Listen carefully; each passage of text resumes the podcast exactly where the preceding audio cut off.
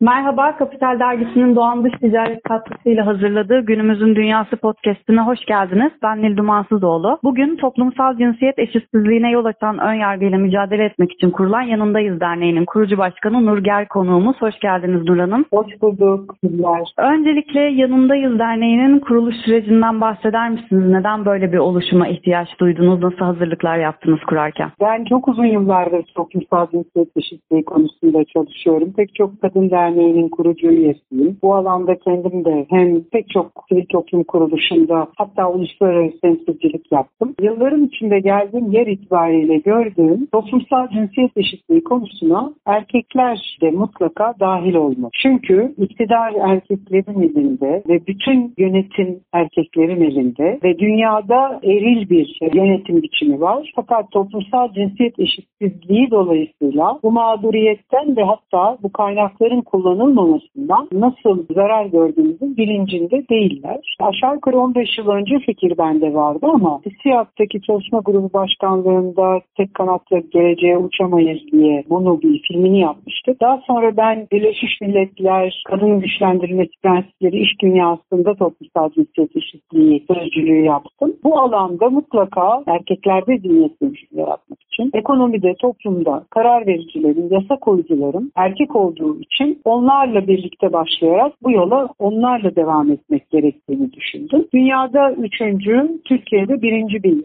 dernekiz biz bu konuda. Zaten Birleşmiş Milletler'in de He for inisiyatifi gibi bu konu artık daha hızlı bir şekilde gündeme giriyor. Yani savunu gündeminde erkeklerin farkındalığını geliştirmek ve onların eşitlikçi bir kültürün temsilcileri olmaları için kendilerinin rol modelleri olması başladı. Son 5-6 yıldır gittikçe yoğunlaşıyor. Yanında ise 3 yıl önce bu amaçla kurulmuş bir dernek. Üyeleri erkeklerden oluşuyor ağırlıklı. Kadınlar da bize üye olabilir ama biz erkek çocuklar, genç erkekler, erkekler konusunda toplumsal cinsiyet eşitliği farkındalığı çalışıyoruz birinci derecede. Şimdi sizin de bahsettiğiniz gibi dernek üyeleri arasında iş dünyasının önde gelen erkek yöneticileri var. Kaç örnek siz bize verirsiniz. Bu derneğin politikası şimdi uzun yıllardır iş dünyasında cinsiyet eşitsizliği konusuyla çalışmış biri olarak bu stratejiyi geliştirmenizi çok önemli ve değerli buluyorum. Çünkü feminist hareket olarak da her zaman hani söylenen şey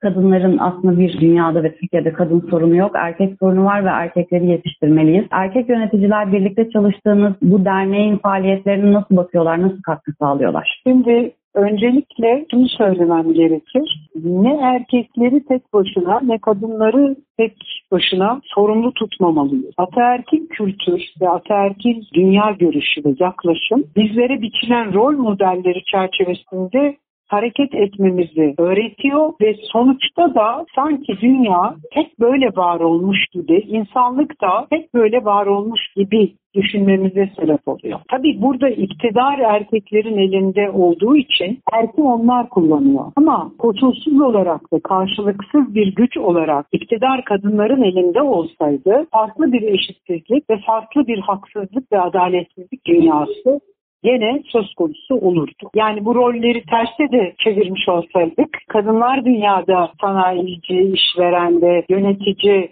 kadrolarında sadece olup erkekler evde aileyi ve çekirdek aileyi koruyan rolleri bu şekilde belirlenmiş toplum olsaydık ki buna şimdi söylerken siz çok şaşıracaksınız ama milattan önce 2000 yılına kadar dünya anaerkil. Tabii. Yani tamamen size tarif ettiğim şekilde dinin temsilcilerinden toplumun temsilcilerine kadar cinsiyetin ve sulbün nesillerden nesillere geçmesinden miras haklarına kadar insanlık anaerkil. Milattan önce 2000 yılından sonra ataerkil düzen hakim kılınıyor ve biz şu anda 4000 yıldır aslında bu düzeni yaşıyoruz ve sanki insanlık böyleymiş gibi görüyoruz. İş dünyası ise bunun ağırlıklı bir kısmını oluşturuyor ve her alanda olduğu gibi iş dünyasında da kadınların özellikle daha işe alım safhasından başlayarak tüm süreçlerle ilgili bir muhalefetle karşılaştıkları, cam tavanlarla karşılaştıkları ve kendilerini dahil görmedikleri bir dünyada sürekli köşede kenarda tırnak içinde biyolojik cinsiyetimiz olan dişilikle ve orada temsil edilmekle ilgili durmamız istendiği bir iş dünyası var. Sonuçta bu sözünü ettiğimiz farkındalık olmaması iş dünyasındaki tüm erkekler için geçerli. Bizim üyelerimiz de bizim seminerlerimizle yaptığımız çalışmalarla bir yanındayız üyesi üye olduktan yaklaşık 3 ila 6 ay sonraki bir süreç içinde tüm bu kendi adına olan farkındalığı geliştirmiş oluyor. Var olanı daha iyileştirmiş oluyor. Ve kendi şirketinde, kendi dünyasında, ailesinde, çevresinde artık aslında kadın ve erkek olarak değil, cinsiyetsiz olarak yetkin, yetişkin bir yönetici, iyi bir mimar, iyi bir mühendis veya bir eğer bu farklı dünyalarsa kadın yönetmen değil, yönetmen, iyi yönetmen şeklinde bizi cinsiyetlerimizden arındırılmış şekliyle tanımlamayı görüyor. Gözü de o şekilde görüyor. Üyelerimiz de zaten üye olan tüm erkeklerde bu süreci yaşamak ve daha sonra bunun sözcüsü olmak için derneğimize geliyorlar. Peki erkek yöneticilerde üye olup yeni farkındalıklar kazanma, sizinle bu tarz deneyimlerini paylaşanlar oldu mu? Ne gözlemliyorsunuz? Bir örnek vereyim. Bizim basından üyemiz olan bir, yani daha önce basında yöneticilik yapan bir üyemiz halen de yapıyor. Dedi ki ben yanındayızla ilgili ki bu daha kuruluş öncesiydi. Şeye başladığım zaman bu farkındalık bende şöyle gelişti. Çünkü ben gece muhabirliği var bu ajanslarda.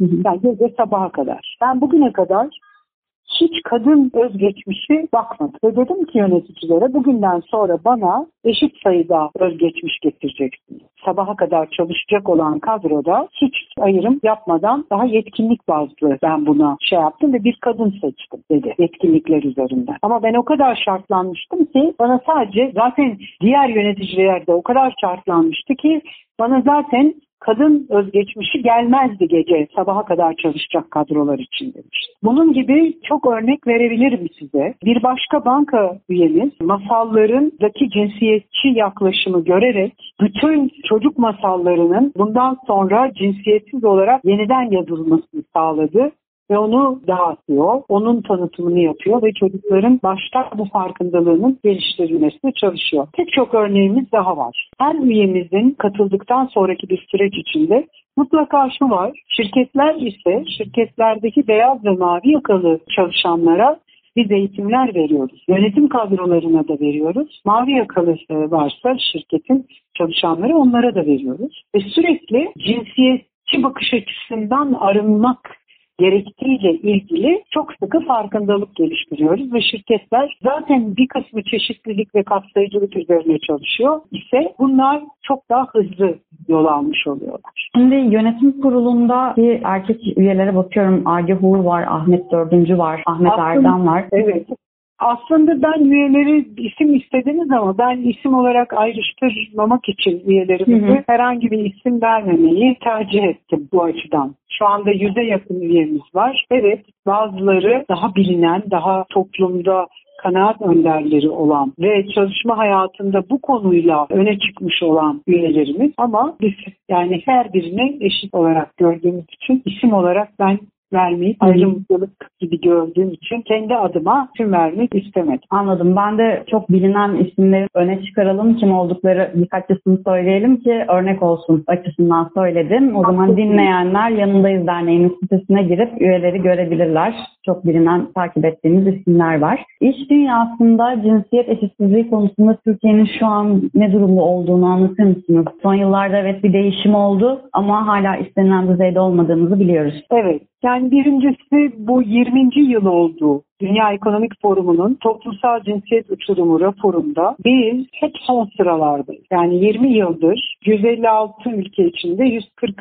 sıradayız bu sene 2021. Ama ben izlediğimden beri, başladığından beri Türkiye endekste 0.56'dan 0.62'ye geldi.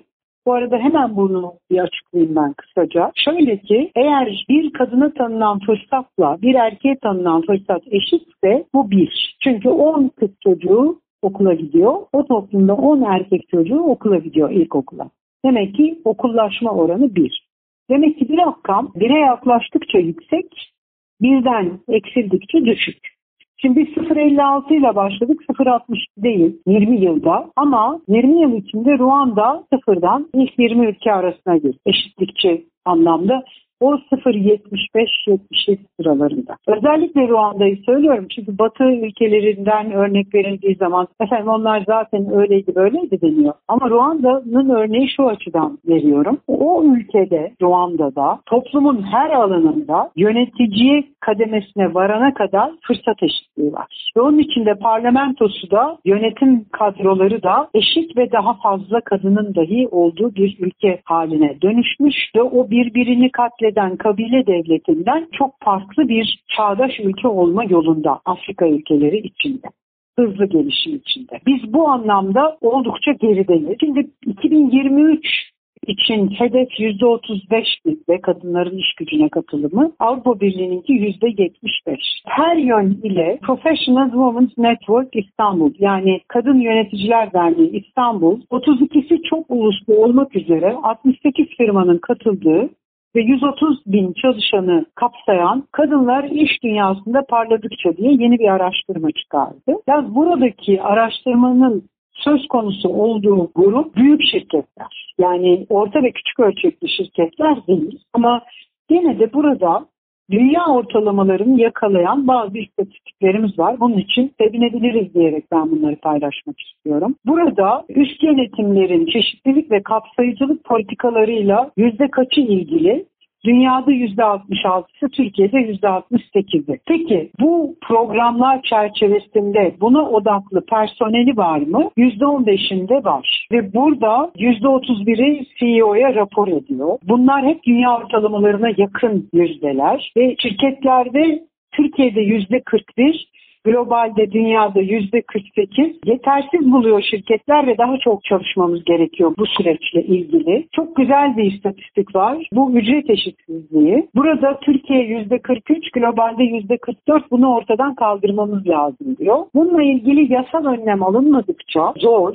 Bunu İngiltere başardı son 4 yıldır İngiltere mali raporların içine çalışanların kadın ve erkek maaş raporlarını konulmasını mecburi kıldı ve burada bir eşitsizlik gördüğü zaman firmaya yüksek oranda ceza kesiliyor. Yani vergi ödemiyormuşçasına bir ceza kesiliyor. Bu çerçevede İngiltere'de çok hızlı bir biçimde %30 olan ücret eşitsizliği ortadan kalkıyor. Cinsiyete göre performans değerlendirilmeleri Türkiye'de %27 %27, globalde %28. Yan haklar, keza kadınların yan hakları daha fazla sahip olması. Gene burada globalle paralel bir süreç izliyoruz. Ön yargılarla ilgili çalışma söz konusu ise burada yetenek havuzunu geliştirmek için firmaların %63'ü ön yargıları kırmak için eğitimler alıyorlar ve bununla ilgili teknoloji kullanıyorlar. Yani şunu söyleyeyim, orta ve büyük ölçekli işletmeler için bir yol açılmış olup bu kapsayıcılık farklılık ve çeşitlilik kapsamında çalışılan bir konu oluyor ama benim için bu konu yani bir kadının bir erkekle fırsat eşitliğinin sağlanması, insan olan bir kadın ve erkek cinslerinin eşitliğinin iş dünyasında sağlanması için bunun kapsayıcılık başlığı altında ele alınmasına dahi yetersiz buluyor. Çünkü biz insanız ve birinci derecede olması gerekir. Keza benim için Birleşmiş Milletler'in de 2025 hedefleri 17 hedefinde 5. sıradadır toplumsal cinsiyet eşitliği. Ben bunu da yetersiz ve doğru bulmuyorum. Yani nasıl ki insan hakları birinci sıradaysa kadın hakları da birinci sırada olması gerekiyor. İnsan olmaktan doğan en doğal hakkımız olduğu için ama yine de kat edilen yolun hele iş dünyasında hiç de azımsanmayacak bir yol olduğunu söyleyebilirim. Aynı zamanda da hele ki ülkemizde bu konu son yıllarda, son 20 yılda ciddi bir anlamda geriletilmeye çalışılırken bazen orta çağ zihniyeti, bazen yeni çağ zihniyeti, bazen kabile zihniyetine kadar indirgenmiş bir seviyede kadına olan düşmanlığı görürken tabii ki çok yüreğimize su serpiliyor. İş dünyasının bu yaklaşımı bizi çok mutlu ediyor, çok sevindiriyor. Çok önemli bir örnek. İş dünyası bu konuda. Kadın hakları konusunda ne yazık ki atılmış adımlardan geri dönüyoruz. İstanbul Sözleşmesi'nden Türkiye'nin çıkması gerçekten Anladım. kadın mücadelesiyle ilgili ciddi bir geri adım oldu. Evet. Hemen onun akabinde de bir yasa düzenlemesi geldi İstanbul Sözleşmesi'nden çıkmamızdan sonra çocuk ve kadın cinsel istismar dahil olmak üzere ispat yükümlülüğü diye bir şey geldi. Evet. Siz nasıl olabilir ki tacize uğramış bir kadının yani kadının beyanı esastırdan çıkılıp bunu ispat etmekle yükümlüdür bir çocuk ya da kadın. Bazen yıllarca bunu itiraf edilemiyor. Yani nerede kaldı? İspatla yükümlü olunsun. Bu bir zihniyet. Ben toplumun gerisinde olduğunu düşünüyorum bu zihniyetin. Yani Türkiye ortalaması, Türkiye'deki erkekler, Türkiye'nin tümü bunun çok daha ötesinde bir yerde. Fakat mevcut yönetimlerin bir kısmı, cüzdi bir kısmı bunun aksiymiş gibi çalışıp göstermek gayreti içinde ama hiç de öyle olmadığını özellikle iş dünyasında çalışırken hemen hemen o 5 yıldaki büyük gelişmeyi, bizim toplumdaki büyük gelişmeyi görüyoruz. Yetişecek. Yani bu zihniyet dönüşümü kırılacak. Ve ben suyun kaynama noktasına doğru geldiğimizde de inanıyorum. Hı hı. Şimdi tam bu zihniyet meselesine gelmek istiyorum son olarak. İşte yönetim kurullarında, icra kurullarında ve çalışan kadın istihdam sayısı ile ilgili şirketlerden özellikle büyük kurumsal şirketlerden her zaman olumlu haberler duyuyoruz. Bu evet. sayıların, oranların artacağı da taahhüt ediliyor. Ama işte bizde biraz böyle nicelik nitelikten daha ön planda tutuluyor. Sayı artıyor ama iş dünyasında gerçekten cinsiyet ayrımcılığı konusunda gerekli adımlar atılıyor mu? Gerçek bir zihniyet değişimi var mı? Yoksa sadece biraz da PR olsun diye şirketlerin kadın sayılarını mı sadece öne çıkardığını düşünüyorum. Anlıyorum. Şimdi dün zannediyorum ya da evvelsi gün sevgili Mahfiye İlmel ülkelerin gelişmişliğiyle olimpiyatlardaki almış oldukları madalyaları çalışmasını Twitter'dan paylaştı ve daha sonra da onun istatistiki bir analizini sundu. Şimdi bir ülkenin gelişmişliğiyle tümü paraleldir. Yani bu bunu doğruluyor. Olimpiyatlar meselesindeki madalya sayısı da bunu doğruluyor. Birkaç istisna ülke haricinde dünyadaki en gelişmiş ülkeler, en zengin ülkeler, gayri safi milli hasılası en yüksek ülkeler Aynı zamanda olimpiyatlarda da en çok madalyayı alan ülkeler oluyor ve bütün spor dallarında. Şimdi burada benim söylemek istediğim iş dünyasına adresleyeceğim ve zihniyete adresleyeceğim çok önemli bir mesaj var. O da bu. Bir ülke geliştiği zaman ve geliştikten sonra toplumsal cinsiyet eşitliği düzelir diye bir süreç yoktur. Eğer bir ülke toplumsal cinsiyet eşitliğini ajandasının birinci sırasına koymazsa, ekonomik yapılanma gibi, işte enflasyondan arınma gibi, enflasyonu yüzde beşe düşürme gibi pek çok ekonomik planlamayı göze aldığı, yaptığı şekliyle benim bundan sonra toplumsal cinsiyet ayrımcılığı yapmayacağım ve eşitsizliğini külliyen ortadan kaldıracağım demezse bizim o dünyadaki ilk 20'ye girmemiz gelişmişlik katsayısında, PISA katsayısında, olimpiyatlardaki madalya sayısında mümkün değildir. Temel zihniyet değişimini zaten baştan bu ülkenin yarısının gücünün Atatürk'ün söylediği gibi zincire toprağa bağlayıp diğer yarısının gelişmişliğini gökleri çıkmasını bekleyemeyiz. İş dünyası bu anlamda gerekli adımlar atıyor mu? Bana göre kaplumbağa adımları atıyor. Yani kesinlikle gerekli ve yeterli bulmuyorum bu anlamdaki şeyi. Ama bu ülkenin temel zihniyetine paralel buluyorum. Ülkedeki temel zihniyete göre daha yukarıda ama dünyadaki standartlara göre de çok yeter. Ya ben gelişmek istiyorum, verimliliğimi arttırmak istiyorum, şirketimin karını farklılaştırmak istiyorum, daha yukarı seviyeye çekmek istiyorum ve stakeholder maximization dedikleri paydaş maksimizasyonu istiyorum. Artık kar maksimizasyonunu düşünmüyorum. Bunun daha fazlası istiyorum diyen şirketlerin birinci sıraya kadınları şirketlere dahil etmeleri, yönetim kadrolarında yukarı taşınması için destek vermeleri, yönetimlerde CEO ve daha sonra yönetim kurullarına da gelmeleri için strateji, plan, politikalar yapmaları gerekir. Hayır bu yapılmıyor. Layıkıyla kesinlikle yapılmıyor. Türkiye'de kadın yönetici oranı dünyadaki sıralamaya göre 12. sırada. Gene de çok yani dünyadaki diğer konumların üstünde. %35'lik bir oran ile Almanya Kanada'nın gerisinde kalıyor. Ama İngiltere, Fransa ve Amerika'nın daha üstünde 12. sırada olması. Bu da bizim gene de bu zihniyetlere rağmen kadınların kendilerini yukarı taşıma gayretleri sayesinde gerçekleşiyor. O yüzden kadın dostu politikalar ve tamamen bir şirketin tümünü işe alımdan başlayıp tüm kademeleriyle bu çerçevede ben bu eşitsizliği ortadan kaldıracağım denmedikçe maalesef şirketlerimiz global anlamda dünyadaki en en ileride, karlılıkta en yüksek, her şekliyle rekabet edebilir düzeyde olamayacaklar. Buna inanmıyorlar ama tabii ki inanmıyor. Erkek egemen bir zihniyet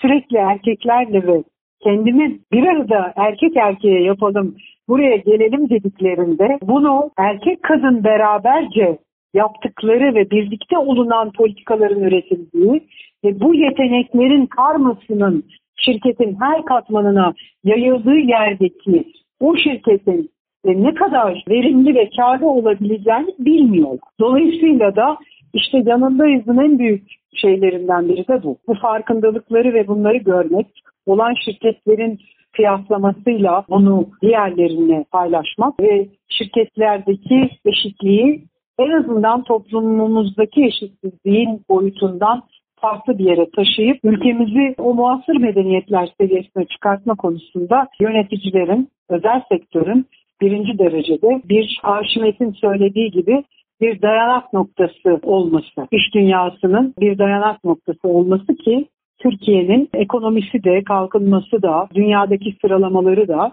hepsi layık olunan başlı bir seviyeye gelebilir. Peki Nur Hanım çok teşekkür ediyorum katıldığınız ve verdiğiniz bilgiler için. Ben de size bu fırsatı bize tanıdığınız için çok teşekkür ediyorum. Ve inşallah bu podcast'ı izleyen izleyicilerimize, yöneticilerimize, erkeklerimize, derneğimize gelmelerini bekliyoruz. Birlikte çalışmak üzere. Çok teşekkürler. Ben teşekkür ederim. Hoşçakalın. Sağ olun.